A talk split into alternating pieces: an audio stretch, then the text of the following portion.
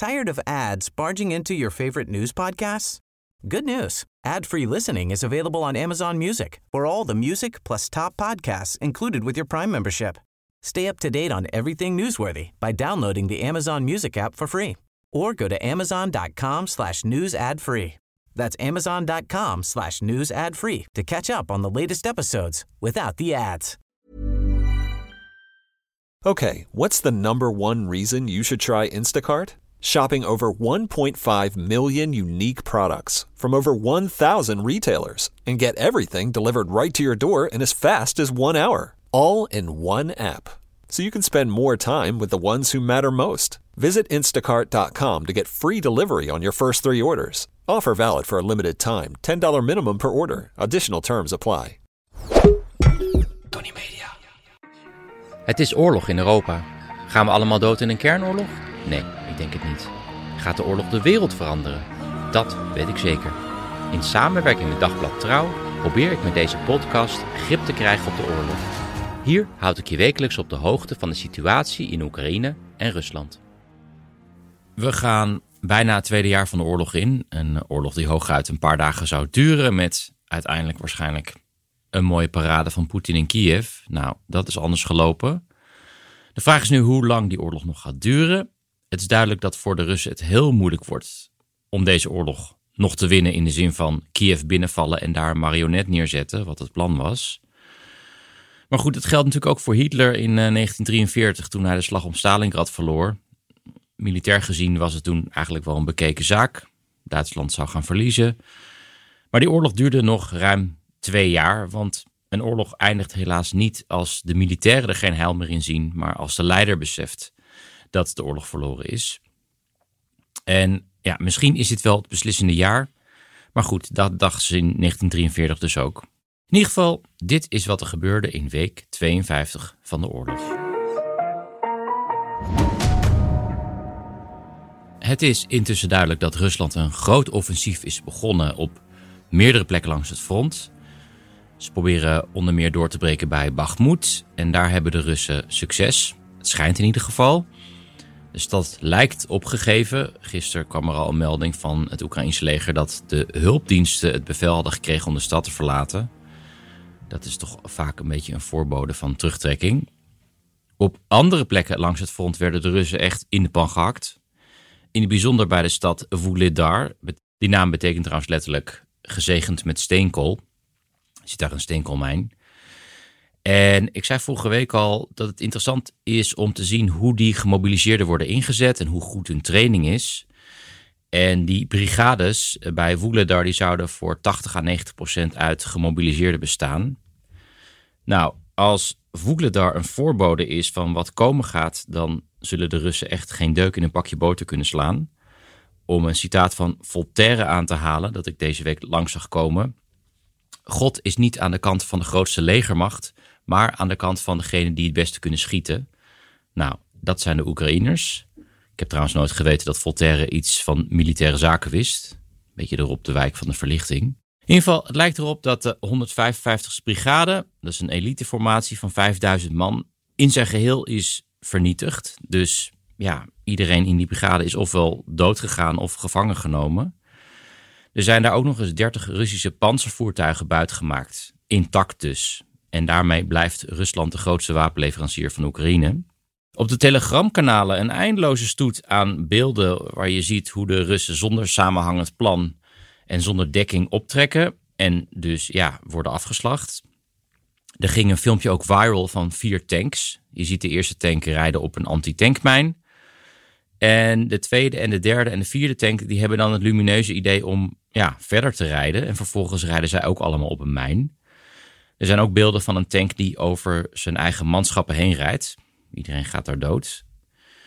Nou, dit zijn natuurlijk beelden die het Russische nieuws niet halen. Want daar hoorde je Poetin alleen maar zeggen dat in Vuglidar heroïs werd gevochten. Intussen op de telegramkanalen was de toon heel anders. Een van de belangrijkste kanalen, Grey Zone, die schreef dit over de commandant Muradov, die leiding gaf aan de aanval. Deze onhandige teef heeft geluk dat hij niet op het slagveld stond, want dan was hij omgebracht door zijn eigen soldaten. Er zijn namelijk zulke gevallen eerder gebeurd en Muradov zou de volgende zijn. de verliezen van afgelopen week aan Russische zijde zijn echt op recordhoogte. Meer zelfs dan aan het begin van de oorlog. Een uh, militair analist had doorberekend dat met de huidige hoeveelheid gemobiliseerden Rusland de oorlog maar zes maanden vol zou kunnen houden met ja, al deze suïcidale aanvallen. Intussen lijkt Rusland ook aan het rommelen in uh, Moldavië, een buurland van Oekraïne. Daar stapte vorige week de Europa-gezinde regering van premier Sandu op. En volgens die Sandu is Rusland nu in Moldavië bezig om een coup voor te bereiden. Door ja, uiteindelijk een pro-Russische regering daar te installeren. De informatie uit Moldavië blijft een beetje schimmig. Want het kan ook een desinformatiecampagne zijn van die Sandu. Maar het is op zich iets wat de Russen al eens eerder in Montenegro hebben geprobeerd in 2016. En in december waren in Moldavië ook al demonstraties waar demonstranten door de Russen betaald werden. En ja, dit gerommel in Moldavië onderstreept nog maar eens de landhonger van Rusland, die echt niet gaat stoppen bij Oekraïne. En daarom denk ik ook dat territoriale concessies aan Rusland alleen maar zullen leiden tot nog meer oorlog en ellende in de toekomst op andere plekken. Goed, gaan we door naar de Russische media.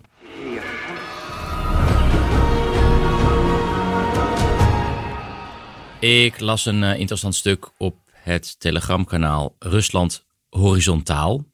Best wel een wonderlijke naam trouwens. Waar ik zelf hele andere associaties bij heb, maar misschien is dit gewoon mijn zieke geest. Uh, Rusland Horizontaal is een journalistiek kanaal. Dat kanaal meldt dat afgelopen week op meerdere plekken in Rusland demonstraties waren. Vanwege het verhogen van de tarieven van nutsvoorzieningen. Dus ja, een nutteloze, smerige oorlog die al een jaar duurt, is geen reden om de straat op te gaan, maar hogere kosten voor de verwarming wel. Blijft een wonderlijk land Rusland. Hoe dan ook, door heel Rusland zijn er demonstraties, vooral vanwege de hogere kosten voor de verwarming. Wat best ironisch is, want het Kremlin had juist gehoopt dat Europa kou zou lijden deze winter, maar dat gebeurde dus in Rusland. Hoe dan ook, in 2017 waren er vergelijkbare onlusten en die groeiden toen uit tot flinke protesten, waar ook Alexei Navalny aan uh, meedeed. Dus wie weet zullen deze protesten wel het einde van Poetin en het einde van de oorlog versnellen, maar dat zal wel wishful thinking zijn. De roebel intussen heeft intussen 30% van zijn waarde verloren in drie maanden tijd. Dus dat zal de economie van Rusland ook niet echt helpen. Nou ja, exporteren wordt dan goedkoper, maar ja, door die sancties is die export natuurlijk beperkt. Verder dook de gestolen wasbeer uit Gerson weer op. Ik had al eens een keertje eerder over hem. Die was uh, ja, gejat uit de dierentuin in Gerson door de Russische soldaten die zich terugtrokken. Die wasbeer heeft intussen een Russisch paspoort. Dat meldt de Russische tabloid Komsomolskaya Pravda. En wat ik echt prachtig vind is dat ze de wasbeer ook nog citeren in het stuk. En de wasbeer zegt: Dit is de belangrijkste dag van mijn leven. Dat bedoelt hij dus de dag dat hij het Russisch paspoort kreeg. Nou, dat vind ik journalistiek gezien echt heel erg knap.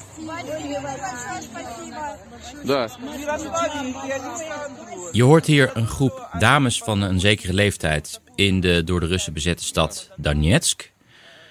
Ik vond deze video op het Telegram-kanaal We kunnen het uitleggen. Wat ik dan juist weer een hele goede naam vind voor een telegramkanaal over Rusland. Wat volgens mij misschien wel het meest onbegrijpelijke land ter wereld is. Misschien kunnen ze daar ook nog eens uitleggen hoe wasberen kunnen praten. Maar goed.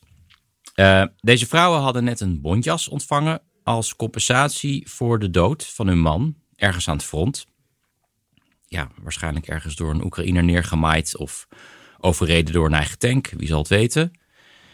Maar goed, dit soort video's van weduwen die cadeaus krijgen, die blijven maar opduiken en laten precies zien ja, hoe weinig eigenlijk een mensenleven in Rusland waard is. In dit geval een bontjas. Die overigens geplunderd waren uit een winkel in Gerson. Want een eigenaar van de winkel die herkende die bontjassen, want die zijn natuurlijk allemaal uniek. Elk vergast nertse lijkje ziet er weer anders uit natuurlijk. Maar goed, deze weduwe hadden nog geluk, want andere regio's krijg je nog sneuiere cadeaus als weduwe. Ik had het eerder al over een set luxe badhanddoeken. Dat was volgens mij in Koersk. Maar verder krijg je, als je man net dood is, in Dagestan, en dit is geen grap, bloemen en een taart. En in de stad Penza krijg je kattentherapie. Dat is ja, een behandeling door contact met katten. Interessant. En in de stad Castroma kreeg een nabestaande een smartwatch. En dat werd dan weer bekendgemaakt in een tv-programma. En opnieuw, ik maak geen grap. De naam van het tv-programma is Je dromen komen uit. Oké, en dan nog dit. Yevgeny Prigozhin, de baas van de Wagner-groep, die huurlingen levert voor deze oorlog, die maakte deze week bekend om te stoppen met het werven van gevangenen. Ik had al eens eerder over verteld, die gevangenen die worden vrijgelaten als ze een half jaar vechten aan het front. En ja, die stop op gevangenen, dat wordt een probleem voor Wagner, want uh, die gevangenen vormen intussen het leeuwendeel van de manschappen van Wagner. En ik denk dat die stop symbolisch is, want in de praktijk melden zich steeds minder gevangenen. Want ja, ze hebben gehoord hoe ze worden behandeld aan het front. Want een Russische soldaat is al weinig waard, maar een gevangene van Wagner is werkelijk helemaal niets waard. Naar schatting 4 op de 5 gevangenen overleeft zijn tijd aan het front niet. En er komt ook nog bij dat Wagner harde straffen heeft voor mannen die zich overgeven aan de Oekraïners. Deze week werd opnieuw een Wagner-huurling geëxecuteerd. Die had zich overgegeven aan Oekraïners en die was met een gevangenenruil weer in Rusland terechtgekomen. Opnieuw, net als de vorige keer, met het hoofd op het blok, ehm, werd met een moker zijn uh, hersenen ingeslagen. Die video is opnieuw veel gedeeld, wat ja, ook niet echt goede reclame is voor Wagner natuurlijk. Overigens heeft het ministerie van Defensie nu een vergelijkbaar programma opgesteld, waar gevangenen ook weer worden vrijgelaten in ruil voor een tijdje vechten aan het front. En zij zeggen dan nadrukkelijk erbij dat gevangenen niet het gevaar lopen om zonder vorm van proces te worden geëxecuteerd. Nou, dan ligt de lat wel heel erg laag dat je dat meldt om mannen over de streep te trekken. Maar goed, dat is de waanzin van Rusland anno 2023. Overigens komen nu steeds meer van die ex-gevangenen terug naar huis. Zij die het wel overleefd hebben, die zullen ongetwijfeld zijn doorgedraaid daar aan het front. En die hebben dus al een achtergrond als ja, moordenaar of een verkrachter. In The Guardian deze week een goed stuk van Piotr Sauer. Uh, Piotr had contact gelegd met inwoners van het Russische dorp Pikaliovo. Waar ja, met angst en beven wordt gereageerd op de terugkomst van zo'n moordenaar. Die had dan vastgezeten omdat hij zijn vismaatje in een dronken bui de hersens had ingeslagen. Een andere man die zat vast vanwege huiselijk geweld. Hij had in de rechtszaak zijn ex-vrouw al gewaarschuwd. Hij zei toen in de rechtszaak: Zolang als de rechter mij in de gevangenis stopt, zolang heb jij nog te leven. Ook deze man loopt dus nu vrij rond, vervroegd vrijgelaten. Ik zal het hele stuk even in de show notes eh, zetten. En ik zal ook nog een stuk van Bellingcat in de show notes zetten. Want de mannen van, en vrouwen van Bellingcat die ontdekten dat er ook drie beruchte maffiabazen uit de jaren negentig uh, hebben meegevochten aan de kant van Wagner. Die zaten dus in de gevangenis en die kozen er ook voor om te gaan vechten aan het front. En deze maffiabazen die zorgden in de jaren negentig voor eindeloze bendeoorlogen in heel Rusland. Waardoor veel Russen het hebben over de bandietentijd, als we het hebben over de jaren negentig. Alle drie die maffiabazen die gingen dood aan het front overigens. Hoe dan ook, zonder gevangenen heeft Prigozhin niet veel meer. En het lijkt een doelbewuste methode van het Kremlin om die macht van Prigozhin te beteugelen. Hij leek steeds meer aan de poten van Poetin eh, te zagen. En ja, dit is nog steeds iets om in de gaten te houden. Bij mij in de studio zit Michel Krielaars, journalist werkzaam bij NRC. Kort na de oorlog verscheen zijn boek Oorlog met Rusland. Vind ik een super eh, kernachtige titel, toch? Zeker. Ja. Dat is waar het om gaat. Waar uh, Michel de aanloop van de oorlog haarfijn beschrijft. En over die aanloop van de oorlog zou ik het eigenlijk uh, met je willen hebben. Want probeer te bedenken van wat is nou een punt dat deze oorlog onvermijdelijk werd. En um, ik hoorde jou iets vertellen over een moment in 2011. Je staat op het uh, Bolotnaya-plein in, uh, in Moskou. Er zijn grote protesten aan de gang. Uh, ja, toch een beetje van die middenklasse die wel wat meer in de melk te brokkelen willen hebben. Wat meer democratie willen. Kan je dat moment, kan je even teruggaan naar het moment dat je op dat plein stond? Nog heel goed. Het was in mei 2012, toen Poetin Oh, 12. net was herkozen. Ja. En eh, toen was er een grote demonstratie. De demonstraties waren al aan de, aan de gang sinds eind 2011. Ja. Ook op dat Balotniaplein. En toen was er een gigantische politie- en militaire macht opgeroepen. Ja. Om eh, eh, rond het Kremlin te gaan staan. En dat had ik in al die 40 jaar dat ik in Rusland kom nog nooit gezien. Die, die opkomst van, voor de protesten. Die opkomst van eh, de autoriteiten voor, tegen de demonstranten. Ja. En ik dacht, ze zijn werkelijk bang. En ik had toen een contact in het Kremlin. En een van de vele onderministers van Poetin. Een technocraat, een modern denkend mens. Die eh, zei dat zij in die dagen allemaal opgeroepen werden om in het Kremlin te komen omdat er paniek was. Omdat ze moesten gaan bepalen wat ze moesten doen voor het geval dat het verkeerd zou aflopen. Ja. En toen dacht ik, nu neemt de repressie toe. Nu worden de duimschroeven aangedraaid. En dat is de jaren daarop gebeurd. Want in feite, de jaren daarvoor, eh, we hebben ook gedeeltelijk samen eh, tegelijk in Moskou gezeten. Was eigenlijk juist mogelijk dat Rusland wat meer richting het westen ging. Ehm, een liberalisering onder, onder Medvedev, die nu een hele andere toon aanslaat. Is dat het kantelpunt geweest? Nou ja, kijk, je kunt, men, eh, de vrienden die ik heb uit, nog uit de tijd van de Sovjet-Unie, die zeiden altijd: geloof het niet, het is nep. Toen dacht ik, nou, het zal wel meevallen, want je zag, hè, wij hebben beide gezien hoe in Moskou, hoe modern het werd. En overal waren jonge Russen met vakantie die goed verdienden en noem maar op. Maar tegelijkertijd had je zo'n voorgevoel van ja, die Poetin is teruggekomen en die wil eigenlijk aan de macht blijven. En die hele clan om hem heen, dat zijn natuurlijk een paar honderd mensen die allemaal puissant rijk zijn die willen geen democratie. En dat zag je in die meimaand van 2012 heel duidelijk. Want die jonge mensen wilden burgerrechten. Ja. Die wilden gewoon echt kunnen bepalen wie hun nieuwe leider was. En sommigen hadden al twaalf jaar Poetin meegemaakt, kenden geen andere heerser. Ja. En dachten, we willen nu wel eens eh, wat in de melk te brokkelen hebben. En dat werd hard de kop ingedrukt. Daarna had je de, vrij snel, daarna had je de, twee jaar daarna had je de annexatie van de, van de Krim. Eh, waardoor zijn populariteit weer enorm Ja, want hij had, de economie ging slecht Ja. op dat moment. En je zag, wat je in die Russische geschiedenis vaker ziet, even een buitenland succesje. En inderdaad, het ging geloof ik naar 85 procent. Ja. Iedereen stond te juichen, zelfs mensen uit de oppositie. Toen op iemand als Alexei Navalny, Mhm. die nu in een strafkamp zit. Die stond ook te juichen. De Krim is van ons. Ja. Een heel ouderwets eh, imperialistisch gevoel bij heel veel Russen.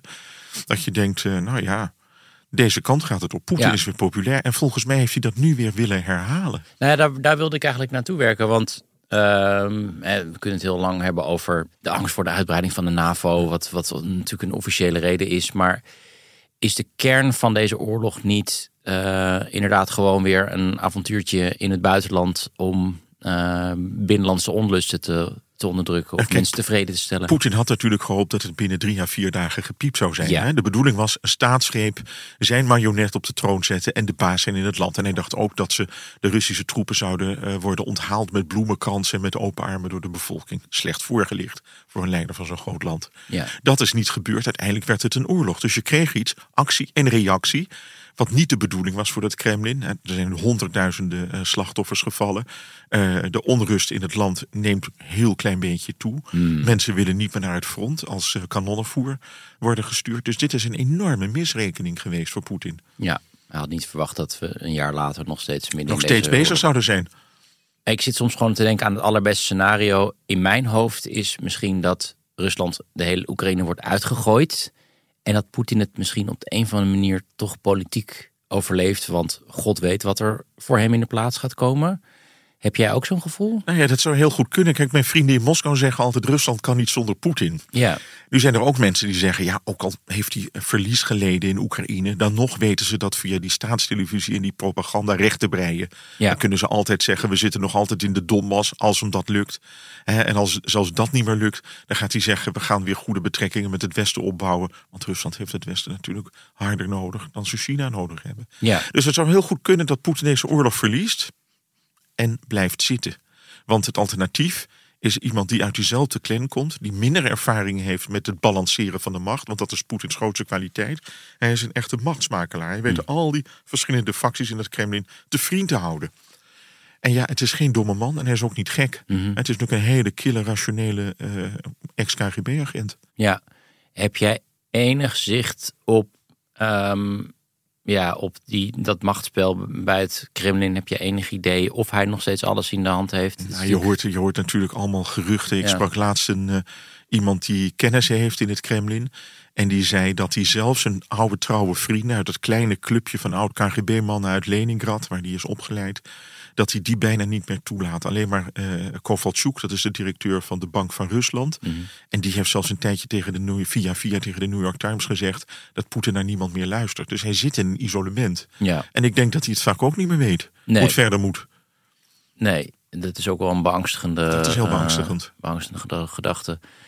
Eh eventjes persoonlijk, hoe is jouw band met Rusland veranderd door die oorlog? Want ik, ik, ik spreek ook andere correspondenten en het voelt soms een beetje alsof het een, een relatie is die je hebt met iemand en misschien wel zelfs een, ja, dat je echt een relatie hebt en dat het dan uitgaat. Het vechtscheiding, hè, hoor ik bij velen. Vechtscheiden, ja. ik, ik, heb dat niet zo duidelijk. Ik hoor wel sommige van mijn oud-collega's die allemaal roepen... Ik, ben, ik wil niks meer met die Russen te maken hebben... want ze gaan de straat niet op.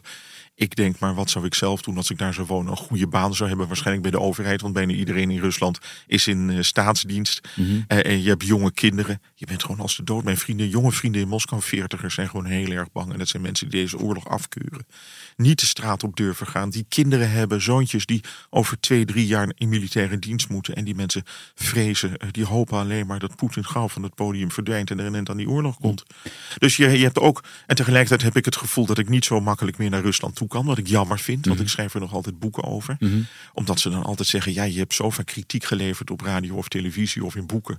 dat ze voor hetzelfde geld drugs in je koffer doen... en Ja. dat ze je een paar jaar voor straf in de cel stoppen. Ja, maar los daarvan denk je, stel ze zou je gewoon onmiddellijk toelaten in Rusland, kan je daar eigenlijk nog wel je werk doen? Want ik zit er ook wel eens over na te denken. Ik hoor van mensen die heel erg eh, meegaan in die propaganda. Echt 50-plussers. Redelijk goed ontwikkelde mensen.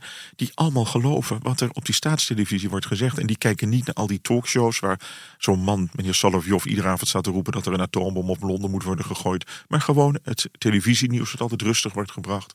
En die denken echt dat de NAVO bezig is om eh, Rusland klein te krijgen. Ja, Ja, en dat maakt het toch heel erg raar dat je niet meer gewone gesprekken kunt voeren met eh, de meeste mensen die misschien ook wel met, met je oudere vrienden. Ik sprak vorige week een Russin die net terug was uit Moskou, had haar vader bezocht, vrouw van begin 50. En die zei ook met mijn vader kan ik niet meer spreken, maar in Moskou is alles als van ouds. Alle theaters zitten vol. De zettekens zijn uit het straatbeeld verdwenen. De wervingsaffiches voor het leger zijn verdwenen. Het is eigenlijk als in de tijd van Medvedev toen wij tweeën in Moskou woonden. ja, doen alsof er geen oorlog aan, de, aan, geen aan de oorlog gang is. is.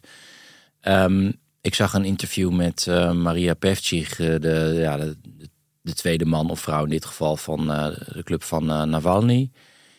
En die, ja, die was er heel duidelijk over dat er na Poetin, nou, daar komt er gewoon, daar komt er gewoon een democratie. Dat, dat, dat kan bijna niet anders.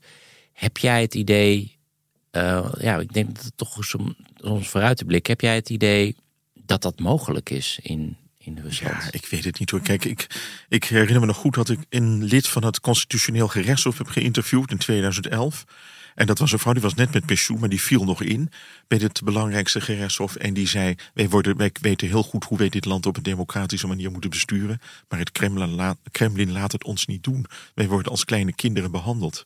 En dan denk ik ook aan de Nobelprijswinnares Svetlana Alexievich, die in een van haar belangrijkste boeken, eh Vremia Second Gent, eh, het einde van de rode mensen in het Nederlands genaamd, die zegt: hoe kun je weten wat vrijheid is als je uit het strafkamp komt?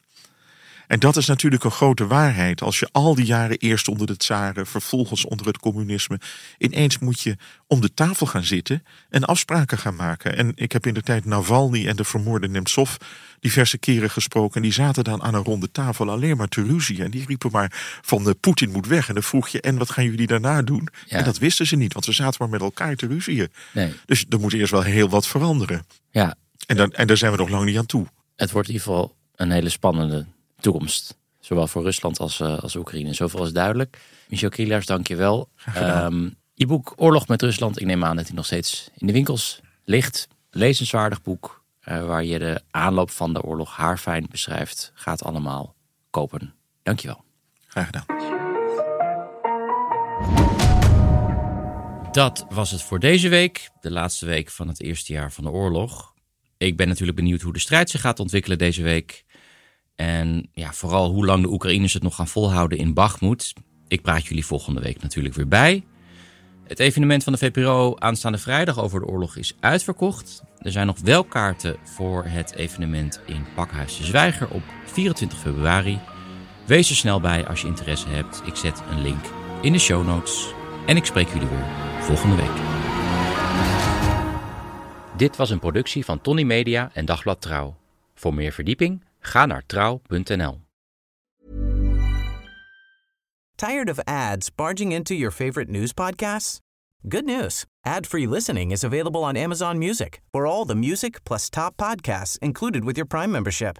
Stay up to date on everything newsworthy by downloading the Amazon Music app for free or go to amazon.com slash news ad free. That's amazon.com slash news ad free to catch up on the latest episodes without the ads.